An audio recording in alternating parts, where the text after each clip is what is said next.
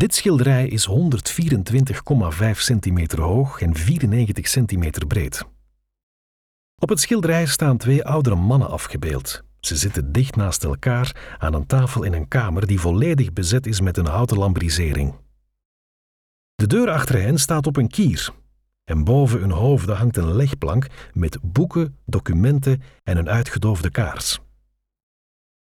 De man aan de linkerkant draagt een brilletje zonder pootjes en met kleine ronde glazen.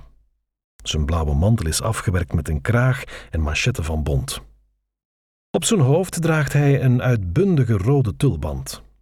Met een pennenveer schrijft de man geconcentreerd in een register voor hem op tafel.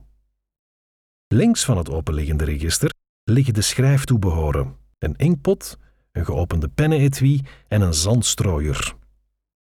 Een zandstrooier ziet eruit als een zoutvaatje, maar dan voor zand.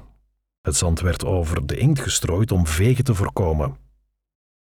Op de tafel liggen verder nog een heleboel gouden en zilveren munten, waarvan de man er één tussen zijn duim en zijn wijsvinger vasthoudt. De man aan de rechterkant steunt met zijn rechteronderarm op de schouder van zijn buurman. Met zijn hand wijst hij naar het openliggende register. Als enige kijkt hij jouw kant uit, met een kleine grijns op zijn gezicht.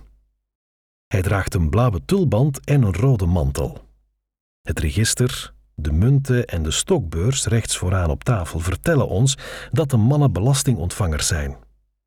Een stokbeurs was een portefeuille met een handvat waaraan verschillende leren zakjes werden vastgemaakt die je apart kon dichttrekken met een koordje.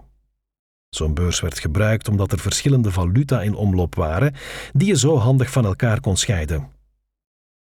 In de schilderkunst staat een stokbeurs vaak symbool voor gierigheid. De Franse titel van dit werk luidt dan ook Les deux avares, de twee gierigaards.